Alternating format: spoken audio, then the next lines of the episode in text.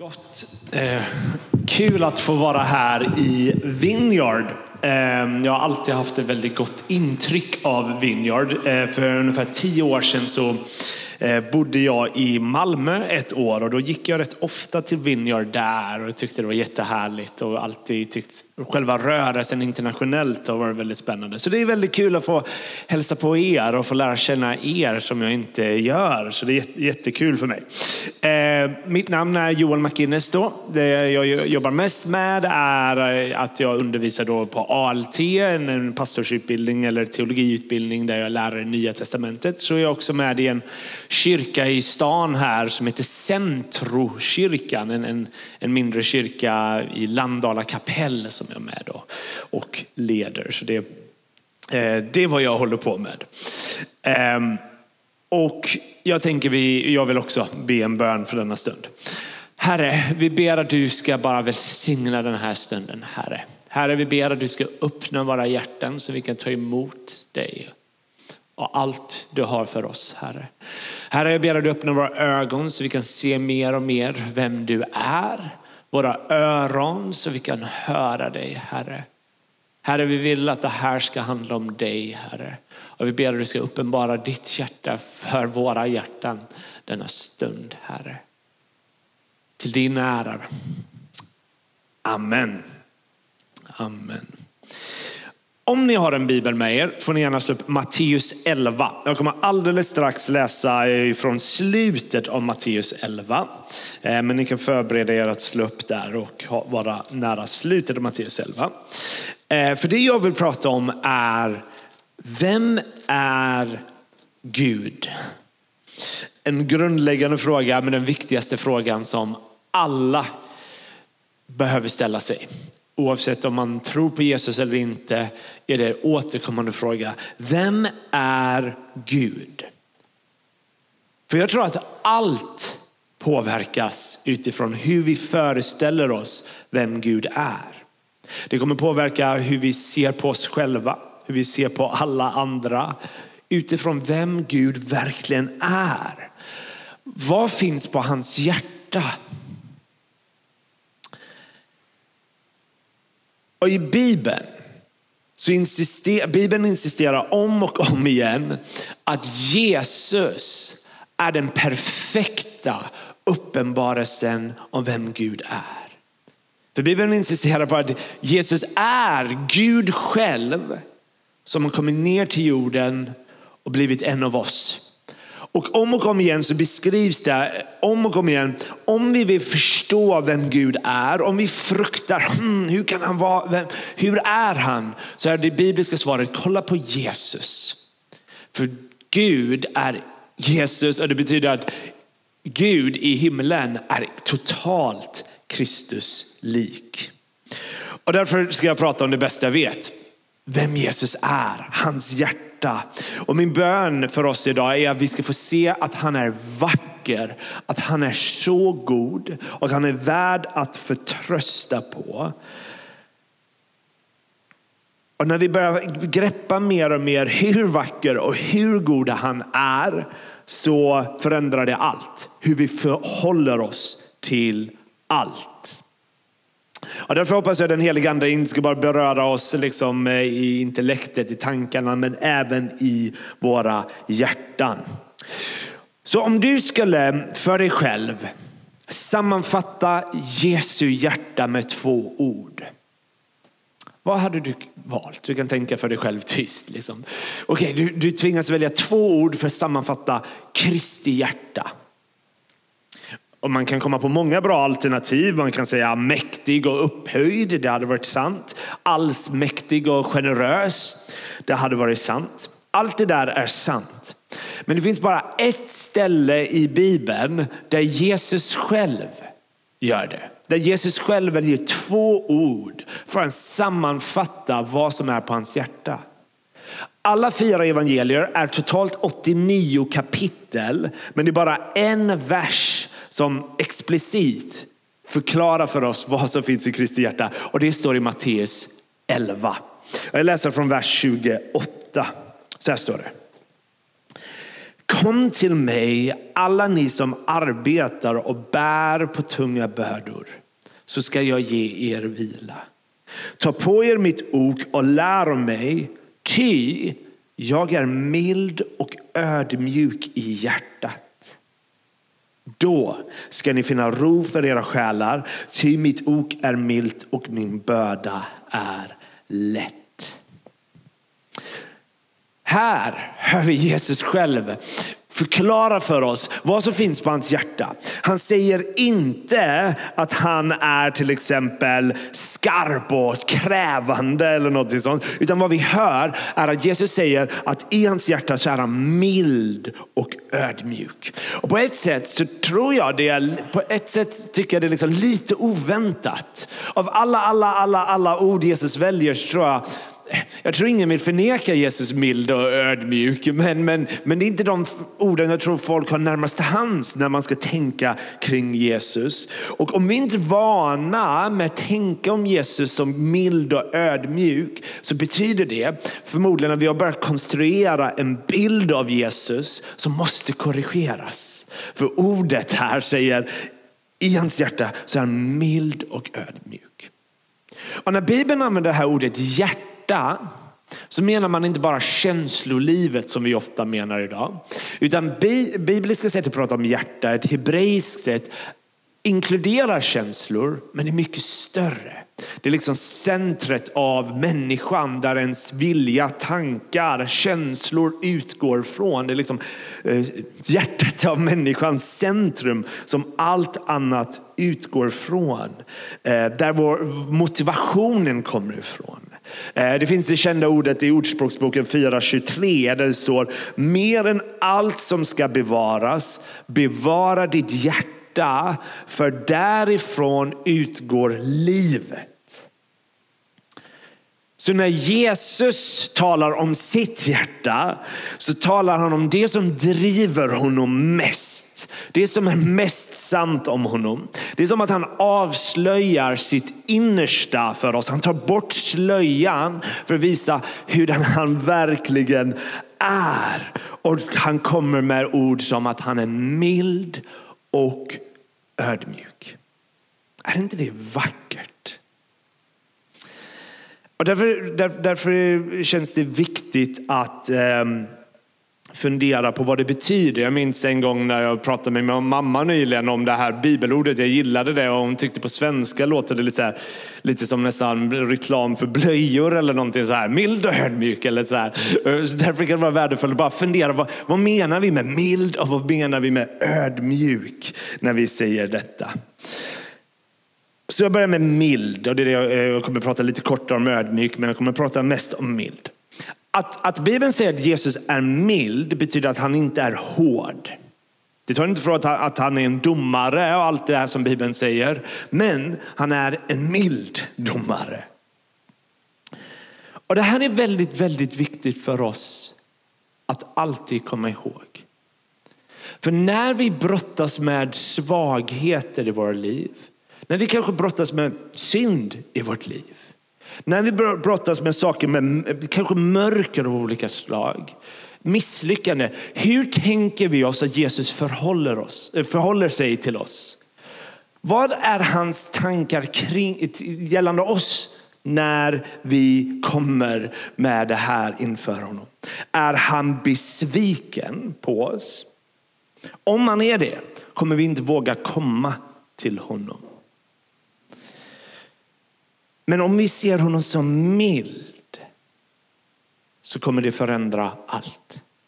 Det finns en vers i Hebreerbrevet 4, vers 5 som jag bara, jag bara älskar. Som beskriver eh, Jesus roll idag, att Jesus är i himlen och det beskrivs att han är en översta präst, han är en medlare mellan Gud och människor. Och så står det en fantastisk, fantastisk vers, det var ju helt fel bok jag var i där. Um, ska vi se här. Hebreerbrevet 4.15 står det så här. Ty vi har inte en överstepräst som ej kan, eh, vi har inte en överstepräst som ej kan ha medlidande med våra svagheter, utan en som blir frestad i allt liksom vi, men utan synd. Dessa ord har varit en sån tröst för mig. För Hebreerbrevets författare insisterar på att, att Jesus som är Gud, som har blivit människa, som har känt i kött och blod olika typer av frestelser, fast han har triumferat över det där, så står det att när vi kommer med våra svagheter, till och med vår synd, så beskrivs det inte som att Jesus är chockad. Att han är chockad, för, förfärad. Utan orden som beskrivs är att han har medlidande. Han lider med oss. Vi har inte en överstepräst som inte kan ha medlidande med våra svagheter. Snarare har vi en som kan förstå, fast han triumferade. En som har känt i kött och blod dragningar, men han har triumferat över det. Här har vi inte en distanserad Jesus som inte kan sympatisera med oss, utan en som lider med oss. På 1600-talet fanns en briljant eh, pastor och teolog som hette Thomas Goodwin. Och vid den här tiden så var det vanligt att, att pastorer eh, kunde skriva en hel bok bara på en, en vers i Bibeln. För de, de hade sån bara, åh vi behöver bara packa upp dessa sanningar eh, som finns i den här versen. Och han, Thomas Goodwin på 1600-talet, skrev en bok enbart på Hebreerbrevet 4.15. Alltså ingen akademisk bok, det var liksom en bok för människor som brottas med livet. Den hette The Heart of Christ in Heaven Towards Sinners on Earth. Alltså Kristi hjärta i himlen för syndare på jorden. Och han, han, det han säger när han läser denna versen är att den här versen i Hebreerbrevet 4 är tänkt för, till att uppmuntra kristna. Varför? Jo, säger han, jo det är som att vi får lägga vår hand på Jesu bröstkorg och vi får känna hans hjärta, hur det bankar för oss, hur han känner för oss. Vi får känna hans umhet, hans godhet. Att Jesus som är upphöjd i himlen, som har segrat över döden, över synden, är också, kommer med samma umhet och godhet till oss som han gjorde mot människor för 2000 år sedan. Och därför är Hebreerbrevet 4 medicin för den som är modfälld. För den som känner svaghet, brottningskamper och är rädd för hur man ska förhålla sig till hur ser Kristus på mig nu? Och här får vi höra evangelium. Han, lider, han känner medlidande. Han bultar för oss och han dog för oss och han älskar oss och han är committad för oss i resten av våra liv. Han kommer självklart eh, liksom utmana synd i vårt liv, men han är alltid mild och god och har tålamod. Han vet hur det känns att vara hungrig, törstig, ensam, missförstådd, övergiven. Han har känt allt det där själv. Han har känt en mörker som ingen människa har någonsin gjort på denna jord när han hängde på korset. Han kan till och med, den som till och med brottas med sån mörker med att, att, att liksom, kanske vilja ta sitt liv. Det finns inget mörker som Kristus känner medlidande för och han har gått mörkare för att ta oss till ljuset. Vi har en vi kan lita på och han är mild och han är god. Han är värd att lita på. I Matteus 12, 20 så, så, så ehm, de, eh, han, Jesus citerar egentligen Jesaja, men han, han, han pratar om eh, den umhet som Gud möter den trasige med. Där det står så här i Matteus 12, 20. Ett brutet strå ska han inte krossa. En rykande veke ska han inte släcka. Alltså det här som är nästan, nästan paj, brutet strå. Det bara, man bara liksom väntar på att det ska knäckas. Han är så um så det inte kommer att brytas. Den här rykande veken som bara nästan släckt. Han är så um så han kommer se till att den inte släcks. Det är den typ av umhet som Jesus har. Och det är den han förkroppsligar i Bibeln. Jesus kan agera lite olika beroende på vem han möter. Det, det finns spännande samtal eh, i Johannes evangeliet. Eh, eh, om man jämför Johannes 3 och 4 så är det rätt intressant. För Johannes 3 så har Jesus det här, eh, ett samtal med den här judiska lärda personen Nikodemus. Nikodemus tror att han har allt intakt. Han är nyfiken på Jesus, men han tror att, liksom att eh, han har kontroll över sitt liv. Eh, allt är rätt fine. Och Jesus kommer och konfronterar honom med vad som uppfattas rätt hårda ord. Du måste födas om på nytt. Förstår du inte? Du behöver Guds liv inom dig. Du behöver vara beroende av Gud. Men i nästa kapitel så möter han en samarisk kvinna som är förkastad av sitt folk, förkastad av mängder av människor. Hon kommer inte kaxigt och säger jag har allt intakt. Till henne så säger inte Jesus sådana ord, utan han bara erbjuder levande vatten. Jag har levande vatten att dricka. För Jesus är mild och god. Han vet exakt vad vi behöver och han förser med allt vad vi behöver. En rykande veke skall han inte släcka. Och jag tror att det är väldigt, väldigt viktigt att vi har den här bilden. Att oavsett om du brottas med liksom svåra grejer med Guds bild just nu eller inte, eh, så behöver vi pränta in det här. För när det kommer mörka, svåra tider så vill vi ha det här som en grund i våra liv. Att vi vet att Även om mitt känsloliv är huller om buller så är Jesus mild och ödmjuk och han känner medlidande för mig. Jag kan komma till honom.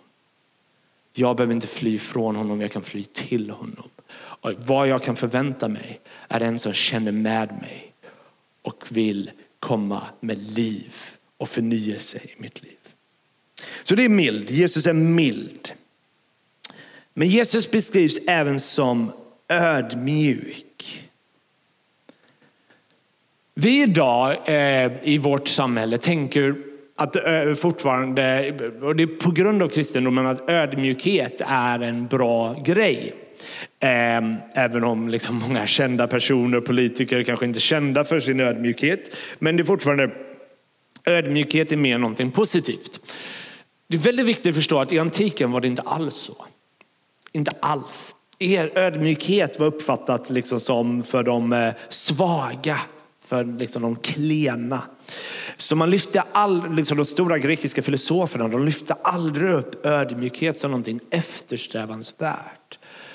Det är en unik kristen tanke och anledningen till vårt samhälle tycker ödmjukhet är någonting eftersträvansvärt är för att vi, vi är så formade av kristendomen. Eh, så även kristna eh, har formats av den här värderingen. Eh, men när Jesus säger liksom saliga de ödmjuka så är det en paradox eh, i, i antiken.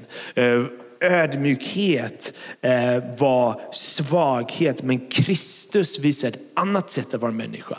Och därför är det mer chockerande när Jesus säger, vad finns på mitt hjärta? Jag är mild och jag är ödmjuk. Det som folk tycker är svaghet kommer han och säger, nej det är styrka. Och Jesus visade ett annat sätt att vara människa genom att vara ödmjuk. Och vad innebär då att Jesus är ödmjuk?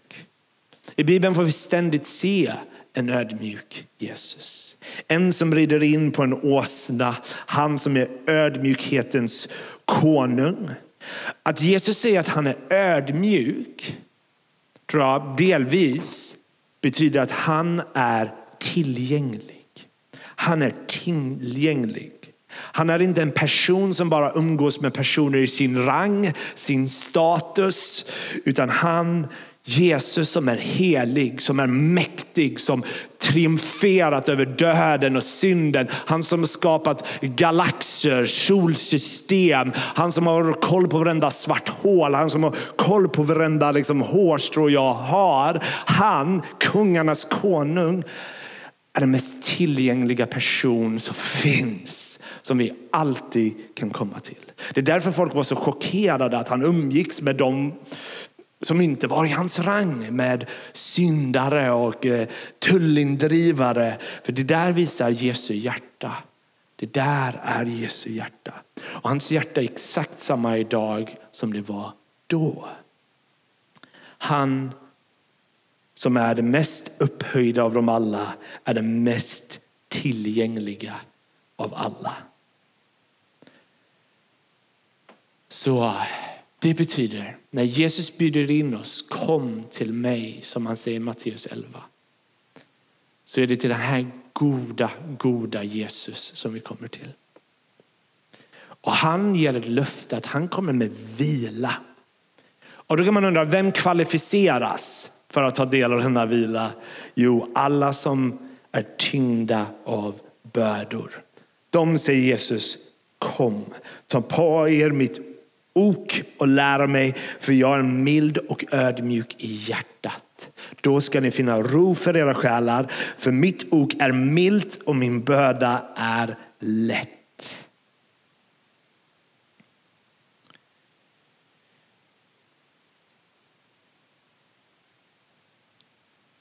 Det här Jesus kommer med är av ren nåd och det är en gåva. Jesus behandlar oss inte som åsnor som han lägger tyngd, tunga bördor på, utan han är ödmjuk och mild. Och han erbjuder detta till oss. Så jag ska börja avrunda här. Eh, så det jag velat egentligen bara förmedla idag är bara påminna oss, Jesus är god. Jesus är god. Han är god. Han är trofast. Han har inte svikit ett enda löfte han har gett. Han har aldrig svikit ett enda löfte han har gett. Han är trofast och han är god. Och det betyder att vi kan förtrösta på honom. Mitt i perioder av kaos med, med, med trasighet så är han god och han är kung och han är ödmjuk och mild. Och vi måste veta detta, att vi alltid flyr till honom.